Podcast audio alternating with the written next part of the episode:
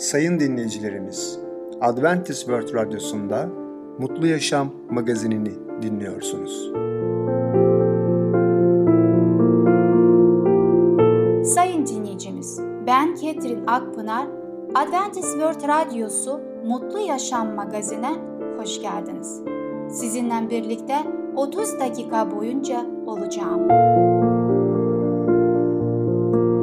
Bugünkü programımızda peygamberler konusuyla içten olmak, yaşam yolu konusuyla tövbe, kutsal kitaptaki hikayeler konusuyla on emir adlı konularımıza yer vereceğiz. Sayın dinleyicilerimiz, Adventist World Radyosunu dinliyorsunuz. Sizi seven ve düşünen radyo kanalı.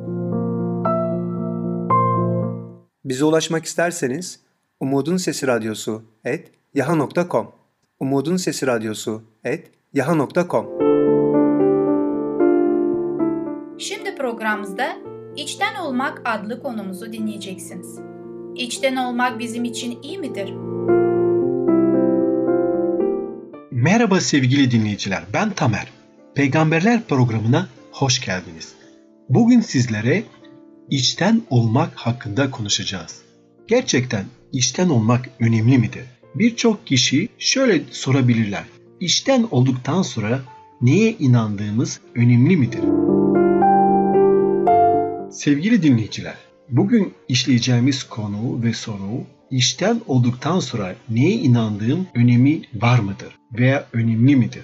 Bu düşünce günümüzde yaygın olan ahlaki konularda mutlak esasların olmadığı inancından kaynaklanmaktadır.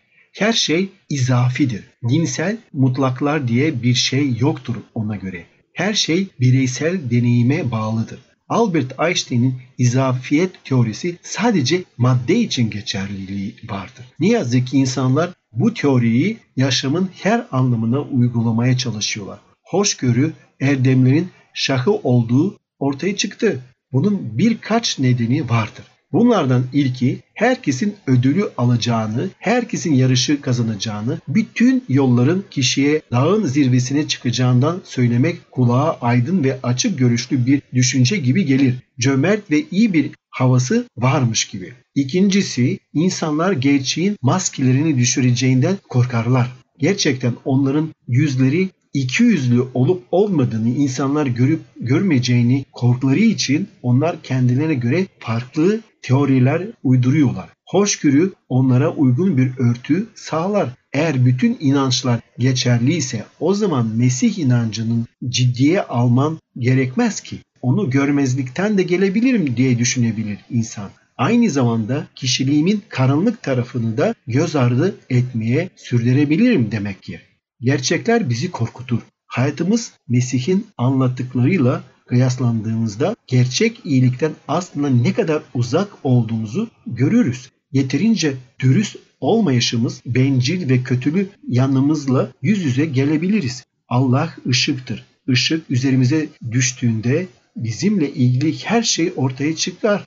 Bu yüzden ışıktan kaçmaya çalışıyorlar insanlar hoşgörünün çok revaçta olmasının üçüncü nedeni de insanların ikiyüzlülükten nefret etmeleridir. Ama bu riyakarlığa gösterilen aşırı bir tepkidir. İştenlik o denli önemli olur ki başka hiçbir şeyin önemi kalmaz. İnsan işten olduktan sonra neye inandığının önemi yok diyerek gerçeği buruşturur, çöpe atar. İsa Mesih iki yüzlüğe büyük bir günah olarak hücum etti. Ama gerçeğin çok önemli olduğu da açıkça bir öğretiştir ve biz de bunun doğru olduğunu içten içe de olsa biliriz. Yaşam bize gerçeğin son derece önemli olduğunu öğretir. Eğer kör bir adam bir uçurumun kenarında duruyor ve ne tarafa gideyim diye size sorarsa siz de ona önemi yok sadece işten ol dersek o zaman zalimlik yapmış oluruz. Şurası bir gerçek ki kör bir adam uçuruma doğru bir adım attığında bu onu ölüme götüren bir adım olur.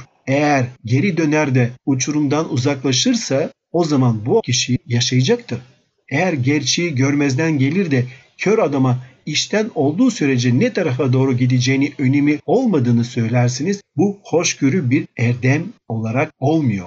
Burada erdem uçurumun kenarındasın diye gerçeği bu kör adama söylemektir. Tıp alanında da buna benzer çok örnekler olabilir ve orada gerçekler son derece önemlidir. Eğer doktor hastanın gözlerinin içine bakıp bütün vücudunun habis bir tümör sarmış ama bunun bir önemi yok. İstersen eve gidip tümörün vücudunu iyi bitirmesine istersen ameliyat olup onu almama izin verebilirsin. Her iki yolda iyidir ve aynı kapıya çıkar. Sadece işten ve iyi biri ol her şey yoluna gidecektir deseydi doktor o zaman bu hasta açısından ve doktor açısından bakıldığımızda zalimlik olmaz mıydı?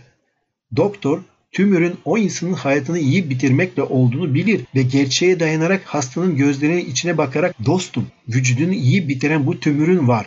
Bu seni ölüme götürecek ama onu ameliyatıyla alıp senin yaşamını uzatabiliriz. Bütün kalbimle sana ameliyat öneriyorum. Ameliyat olmanı teşvik etmek istiyorum diyebilir doktor bey erdemli olan gerçeği gerçekten söylemektir. Sevgili dinleyiciler, İsa Mesih sağlamların değil hastaların hekime ihtiyacı var. Ben doğru kişileri değil günahkarları çağırmaya geldim dedi. İsa Mesih bizlere adı Tanrı'ya asillik olan bir hastalığımız olduğunu açıkça öğretmiştir. Bu hastalık kişiyi ölüme ve cehenneme götürür. İsa Mesih günah hastalığına gerçek bağışlama ve tedavi getirmeye istemektedir. İsa Mesih sonsuz yaşamı bize öneriyor ve sunuyor. Ölümün karşısında İsa Mesih'i görmemizlikten gelmek kişiyi felakete götüren büyük bir hata olabilir. Bir öğrencinin sınava hazırlanmadığından dolayı varsayabiliriz. Bunun yerine sınava gidip sınav kağıdına içini dökmüştür. Sonra sonucu aldığında profesöre gidip nasıl beni bırakabilirsiniz? Bu sınavda gerçekten neler hissettiklerimi dile getirdim. Dürüstüm, iştendim diyebilir öğrenci. Profesör onun yüzüne bakıp iştenlikle hatalıydın öğrencim. Samimi bir şekilde yanılmışsın. Bu yüzden de sınavda başarılı olamadın diyor profesör. Bu imtihana girdiğimizde gerçek çok önemlidir. Yargı günü siz ve benim Allah'ın önünde durup bütün davranışlarımız, bütün sözlerimiz ve bütün düşüncelerimiz için hesap vereceğimiz son sınav olarak karşımıza çıkacak ve çok önemli bir konu olduğunu unutmayın. Ve sorulması gereken önemli soru o sınava hazır mıyız? Gerçekten ama Allah bizleri iştenliğimize göre yargılayacak olsaydı bile bu bizim için tehlikeli olurdu. Hangimiz gerçekten ben her zaman tamamıyla iştendim diyebilir ve demesi de gerçekten öyle olduğunu olabilir. Allah'tan asla şüphe etmedim. Hiçbir zaman niyetlerim ve amaçlarım dürüstlükten ayrılmadı diyebilir miyiz? Kimse diyemez ama İsa Mesih bizleri hatalı düşüncelerimize rağmen sever ve içimizde yaşamak ve bunları değiştirmek ister. İsa Mesih riyakarlığımızı işten arzulara dönüştürmek ister. Sorulacak soru onun içimizde gelmesine izin verecek miyiz? Onun kalbimizi yönetmesini, vicdanımızı eğitmesine izin verecek miyiz? Sevgili dinleyiciler, bugünkü konumuz sona eriyor. Bir sonraki programına kadar hoşçakalın. Sevgili dinleyicimiz, İçten Olmak adlı konumuzu dinlediniz. Gelecek hafta pazartesi günü Peygamberler adlı konumuzu aynı saatte dinleyebilirsiniz. Sayın dinleyicilerimiz, Adventist World Radyosunu dinliyorsunuz. Sizi seven ve düşünen radyo kanalı.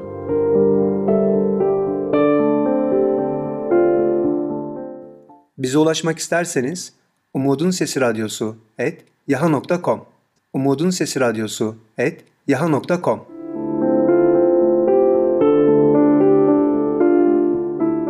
Şimdi programımızda Tövbe adlı konumuzu dinleyeceksiniz. Bir kimseye Allah'ın önünde nasıl haklı çıkabilir?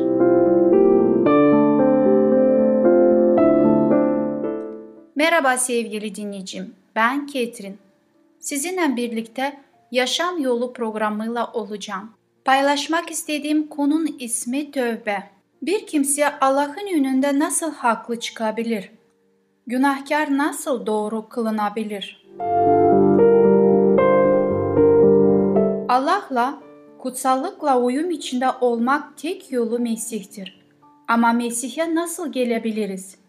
Pentekoz gününde kalabalığın günahtan suçlu bulunmaklarından ne yapmalıyız diye bağırmaları gibi bugün de birçok kişi aynı soruyu soruyor.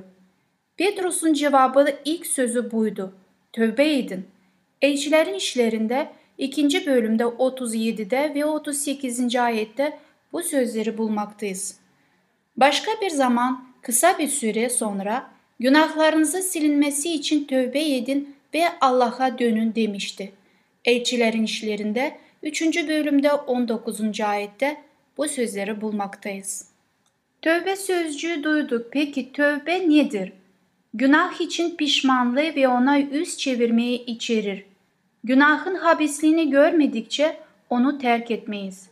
Onu kalpten bırakmazsak hayata gerçek bir değişme olmaz. Tövbenin asıl yapısını anlayamayanlar çoktur.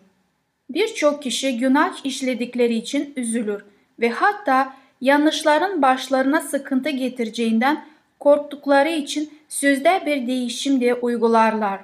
Fakat bu kutsal kitap anlayışına göre tövbe değildir. Günah için değil, sıkıntı için üzülüyorlar. Esaf ilk oğulluk hakkını sonsuza dek kaybettiğine görünce duyduğu üzüntü aynen buydu.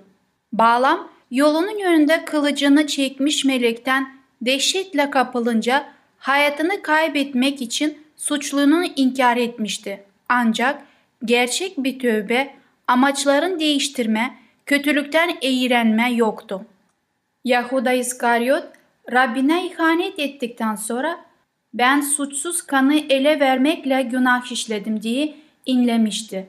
Matta kitabında 27. bölümde 4. ayette bu sözleri söylemişti. İtirafı suçlu ruhundan zorlayan korkunç bir suçluluk hissi ve gelecek yargıyı dehşetle beklemekti. Başına gelecek olan sonuçlar onu dehşetle doldurmuştu. Fakat Allah'ın lekesiz oğluna ihanet etti ve İsrail'in kutsallarını inkar ettiği için yüreğinde derinden gelen kalp kırıcı bir keder yoktu. Firavun Allah'ın yargılarını çekerken daha fazla cezadan kaçmak amacıyla günahını itiraf etti. Ama cezalar durdurulduğunda ondan cennette isyana geri döndü. Bütün bunlar günahın sonuçları için üzüldüler ama asıl günah için pişmanlık duymadılar. Ama kalp Allah'ın ruhunun etkilemesine yol verince vicdan canlanır ve günahkar Allah'ın gökte ve dünyadaki hükmünün temeli olan yasanın derinliği ve kutsalığı ile ilgili bir şey kavrar. Dünyaya gelen her insanı aydınlatan gerçek ışık, ruhunu gizli bölümlerini aydınlatır ve saklanan karanlıklar dışarı vurur. Yuhanna'da bu sözleri bulmaktayız 1. bölümde 9. ayette. Suçlu olduğuna ikna olur ve bu zihinde ve kalpte kök salar. Günahkar Yahve'nin doğruluğunu kavrama başlar ve kendi suçluluğu ve kirliliğiyle kalpleri arayanın önünde durmanın dehşetine kapılır. Allah'ın sevgisini, kutsallığın güzelliğini, saflığı neşesini görür. Hasretle temizlemeye ve cennetle birlikteliğiyle yeniden kavuşmaya arzular. Nasıl bir duygu yaşadığını olarak size bir örnek veriyorum. O da Davut peygamber. Davut'un düşmesinden sonra ettiği dua günah için gerçek pişmanlığı örnekliyor. Tövbesi samimi ve derindi. Suçlunu yatıştırmak için hiçbir çaba yoktu. Tehdit edilen hiçbir ceza dua etmesine sebep değildi. Davud günahın büyüklüğünü gördü. Günahın kirliliğini gördü. Günahından nefret etti. Sadece av dilemek için değil, kalp saflığı için dua etti. Kutsalın neşesini aradı. Allah'ıyla uyum ve birlikteliğe geri dönmeyi. Ruhun sözleri şöyleydi. Ne mutlu isyanı bağışlanan, günahı örtülen insana, suç Rab tarafından sayılmayan, ruhunda hile olmayan insana ne mutlu. Mezmurlar kitabında 32. bölümde birden ikiye kadar Davut peygamber bu sözleri söylemektedir. Başka bir bölümde Davut peygamber şöyle söylüyor. Ey Allah! Lütfen bana sevgi uğruna sil isyanlarımı, sınırsız merhametin uğruna çünkü biliyorum isyanlarımı. Günahım sürekli karşımda. Beni mercan köşkü otuyla arıt, paklanayım. Yıka beni, kardan beyaz olayım. Ey Allah'ım, temiz bir yürek yarat. Eniden kararlı bir ruh var et içimde. Beni huzurundan atma. Kutsal ruhunu benden alma. Gevri ver bana sağladığın kurtuluş sevincini. Bana destek ol. İstekli bir ruh ver. Kurtar beni kan dökme suçundan. Ey Allah, beni kurtaran Allah. Dilim seni kurtarışını ilahilerle övsün. Mezmurlar kitabında 51. ayette birden 14'e kadar bu sözlerle Allah'a Davut peygamber danışmaktadır. Böylesine bir tövbe kendi gücümüzle başarabileceğimiz ötesindedir. Sadece yükseklere çıkmış ve insanlara armağanla vermiş Mesih aracılığıyla elde edilebilir. Tam burada çoğu kişinin yanılabileceği bir nokta var ve böylelikle Mesih onlara vermek istediği yardımı kaçırırlar. Mesih'e tövbe etmeden önce gelmeyeceklerini ve tövbenin günahların affedilmesi için hazırlık olduğunu düşünürler. Tövbenin günahların affedilmesinden önce geldiği doğrudur. Zira sadece kırık ve tövbekar bir kalp bir kurtarıcıya ihtiyaç duyar. Sevgili dinleyicim, gelecek programda bu konuyu devam edeceğim. Şimdilik sizlerle vedalaşıyorum. Hoşça kalın, sevgiyle kalın. Sevgili dinleyicimiz, Tövbe adlı konumuzu dinlediniz. Gelecek hafta cumartesi günü Yaşam Yolu adlı programımızı aynı saatte dinleyebilirsiniz. Sayın dinleyicilerimiz, Adventist World Radyosunu dinliyorsunuz. Sizi seven ve düşünen radyo kanalı. Bize ulaşmak isterseniz Umutun Sesi Radyosu et yaha.com Umutun Sesi Radyosu et yaha.com Sevgili küçük dostum, bugün sizlerle birlikte 10 emir adlı konumuzu dinleyeceğiz. Allah'ın buyrukları nelerdir? Merhaba çocuklar, ben Fidan. Cumartesi çocuklara özel programımıza hoş geldiniz. Bugün sizlerle 10 emiri öğreneceğiz. 10 emir ne demek? Allah'ın bizlere vermiş olduğu belli başlı 10 buyruk demek. Bakalım onları biliyor muyuz? Belki pek çoğumuz biliyoruz. Ama tekrar bir bakalım öyle değil mi? Musa Sina Dağı'na çıkıyor. Haftalar sonra İsraililer Sina Dağı'na vardılar ve dağın karşısında konakladılar. Musa Allah'la buluşmak için dağa çıktı. Allah ona şöyle dedi. Sizi Mısır'dan çıkardım. Çölde size baktım, sizi korudum. Allah'ınız olmak ve sizin de benim halkım olmanızı istiyorum. Eğer benim sözlerimi duymak ve bunlara göre yaşamak isterseniz, o zaman benim halkım olursunuz. İsrail halkına böyle söyle. Böylece Musa, İsraillerin konakladıkları yere geri döndü. Onları bir araya toplayıp Allah'ın söylediklerini tekrarladı. Sonra halk söz verdi. Allah'ın söylediklerini yapacağız, dedi. O zaman Allah Musa'ya şöyle dedi. Sana koyu bir bulut içinde yaklaşacağım. Böylece halk seninle konuştuğumda beni duyar ve sana her zaman güvenir. Üç gün sonra gök gürledi ve şimşekler çaktı. Dağın tepesinde koyu bir bulut vardı. Buluttan boru sesine benzeyen bir ses duyuldu. Duman ve ateş çıktı. Herkes çok korktu. Musa halka, dağın tepesine çıkacağım. Rab benimle konuşmak istiyor. Ben geri gelene kadar beni burada bekleyin dedi. Musa dağa çıktı. Yeşun'un da kendisiyle gelmesine izin verdi. Dağın tepesine vardıklarında Yeşu arkada kaldı. Musa doğrudan bulutun içine girdi ve yukarı doğru devam etti. Kırk gün kırk gece orada kaldı. On buyruk. Dağın tepesinde Allah Musa ile konuştu ve ona on buyruğu verdi. Buyrukları iki taş levhaya kazımıştı. Ben sizi Mısır'dan çıkaran Allah'ınız Rabbim. Benden başka tanrılarınız olmayacak. Kendinize başka tanrıların putlarını yapmayacaksınız. Putların önünde eğilip tapınmayacaksınız. Adımı kötü amaçlar için kullanmayacaksınız. Haftanın yedinci gününü şabat sayacaksınız. İşinizden dinleneceksiniz.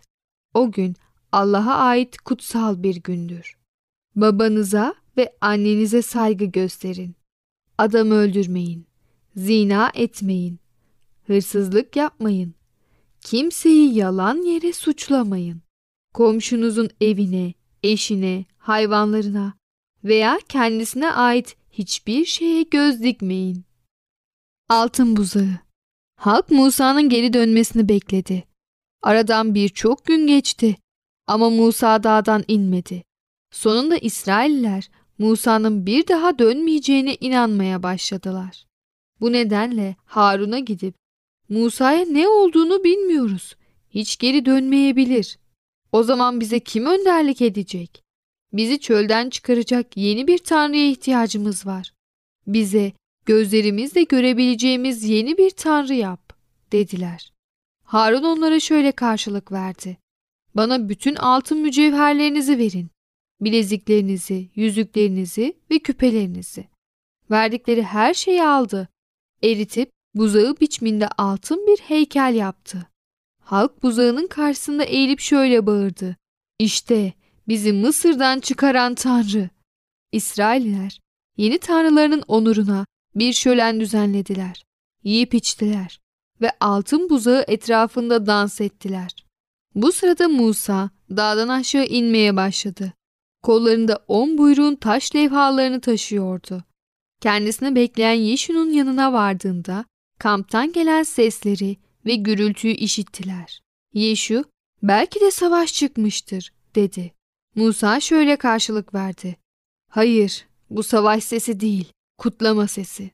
Kampa vardıklarında Musa altın buzağıyı ve halkın buzağının önünde eğildiğini gördü. O kadar öfkelendi ki elindeki taş levhaları atıp fırlattı. Kaya üzerinde parçalandılar. Sonra altın buzağıyı aldı ve ateşe attı. Harun'a, halkın yaptığına bak. Onları nasıl böylesine büyük bir günaha soktun, dedi. Harun, öfkelenme. Bu halkın ne kadar zor olabileceğini sen de biliyorsun. Kimse sana ne olduğunu bilmiyordu ve kendilerini yönetecek yeni bir tanrı aradılar, diye karşılık verdi. Musa yeniden Allah'la konuşuyor. Ertesi gün Musa halka şöyle dedi. Çok büyük bir günah işlediniz. Allah'ın yanına gidip bağışlanmanız için dua edeceğim. Musa Allah'la konuşmak üzere bir kez daha dağa çıktı. Yine 40 gün 40 gece kaldı. Allah İsrail'i günahlarından ötürü affetti ve Musa'ya üzerinde on buyruğun kazılı olduğu iki yeni taş levha verdi. Musa kollarında iki taş levhayı taşıyarak dağdan indi. Allah'la konuşmaya başladığında yüzünün parladığından haberi yoktu. Kampa geri döndüğünde İsraililer parlayan yüzünü görüp korktular. Yakına gelmelerini istedi ve Rabbin onlara verdiği buyrukların hepsini onlara duyurdu. Sonra yüzünün parlaması görünmesin diye örttü. Ne zaman Allah'la konuşsa ve halka Allah'ın söylediklerini aktarsa parladığını görmeleri için yüzünü açtı. Rabbim Musa'ya verdiği en önemli buyruklar şunlardı. Rab ancak Allah'ımızdır. Allah'ınız olan Rabbi bütün yüreğinizle, bütün aklınızla, bütün canınızla ve bütün gücünüzle sevin ve komşunuzu kendiniz gibi sevin. Evet çocuklar, bugün böylece Allah'ın bizlere verdiği on emri öğrenmiş olduk. Bizler de İsrail halkı gibi kötü şeyler yapmadan lütfen Allah'ın kurallarına uymaya dikkat edelim. Bir sonraki programımızda tekrar görüşene kadar kendinize çok iyi bakın. Sevgili küçük dostum, On Emir adlı konumuzu dinledin.